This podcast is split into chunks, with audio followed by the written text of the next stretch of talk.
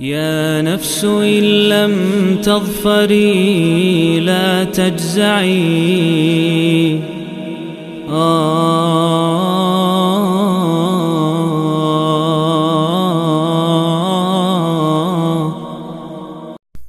Bismillahirrahmanirrahim Wassalatu wassalamu ala rasulillahi amma ba'd Ini adalah lanjutan dari pengajian kita 114 hari menyambut bulan Ramadan Dan kali ini bersama surat Al-Hadid Surat yang ke-57.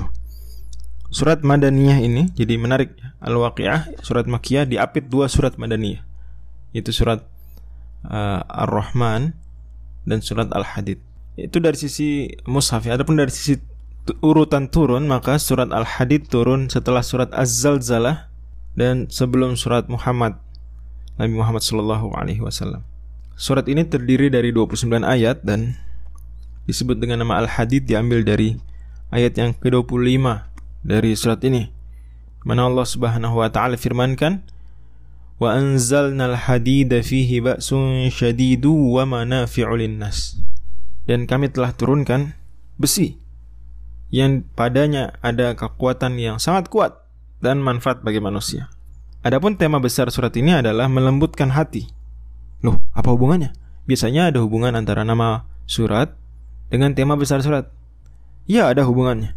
Hubungannya adalah bahwa besi yang Allah puji di ayat 25 sebagai sumber kemanfaatan bagi manusia dan juga untuk membela agama Allah ketika berjihad misalnya itu dimanfaatkannya dengan cara dilembutkan.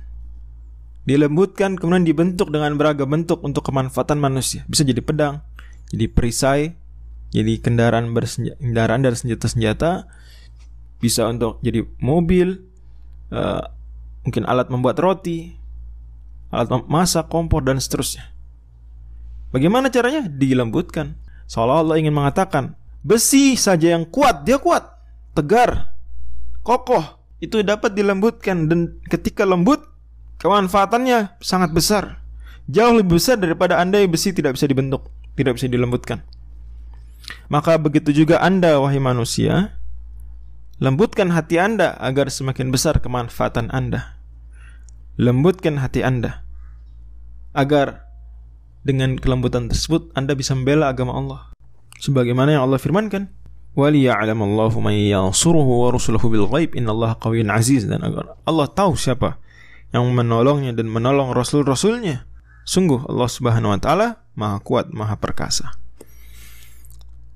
Tema besar tentu tercermin dari banyak ayat yang bicara tentang tema besar tersebut. Tentang tema besar melembutkan hati, ada banyak ayat di surat ini yang menunjukkan hal tersebut. Sebut saja misalnya, di awal-awal surat Allah Subhanahu wa taala menyebutkan bahwa alam semesta menyanjung Allah semuanya.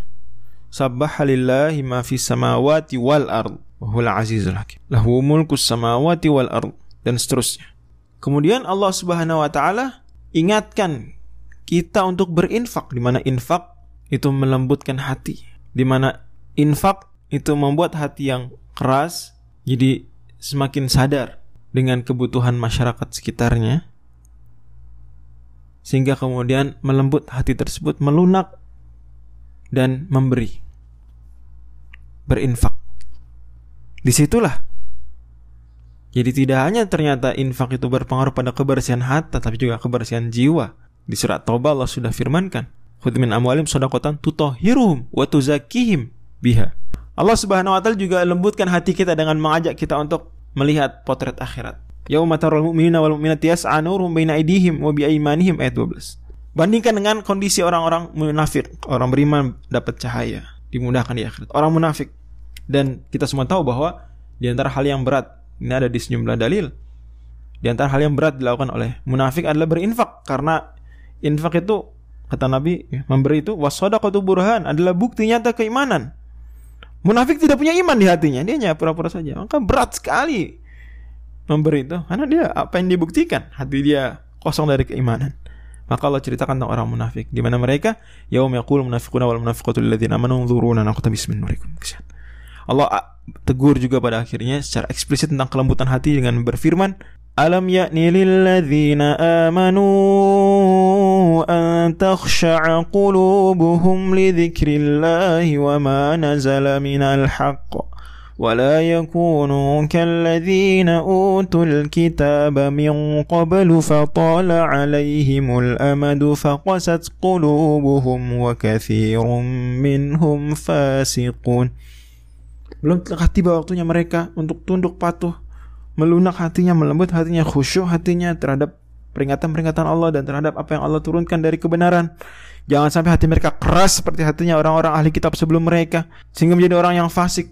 Kemudian Allah Subhanahu wa taala berikan sebuah perumpamaan. Ya'lamu anna Allah yuhyil ardo ba'da mautiha. Ketahuilah Allah yang menghidupkan bumi setelah mati. Bumi yang kering, tandus, Allah turunkan hujan, lembut bumi tersebut tadinya keras pada. Jadi melembut, menemukan tanam-tanaman menjadi hijau.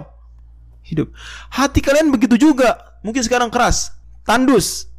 Allah lembutkan. Allah turunkan hujan yang berupa bimbingan-bimbingan agama pada kalian. Sehingga kemudian tumbuh hijau, tumbuh tanam-tanaman, berbuah dengan buah-buah amal kebaikan.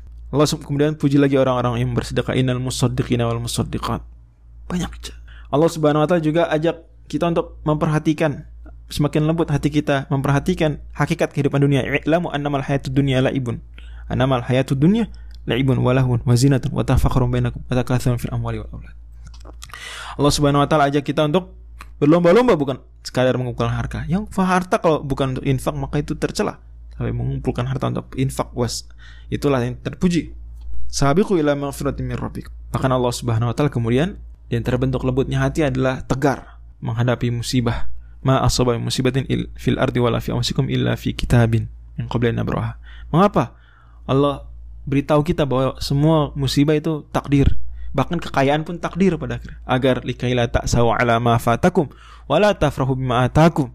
Agar kan tidak terlalu bangga dan pongah ketika sukses dan juga tidak terlalu terpuruk dan sedih ketika gagal. Masya Allah. Allah celah orang-orang yang bakhil alladzina yabkhuluna wa ya'muruna an-nasa bil bukhl. Wa may yatawalla fa hamid. Wallahu al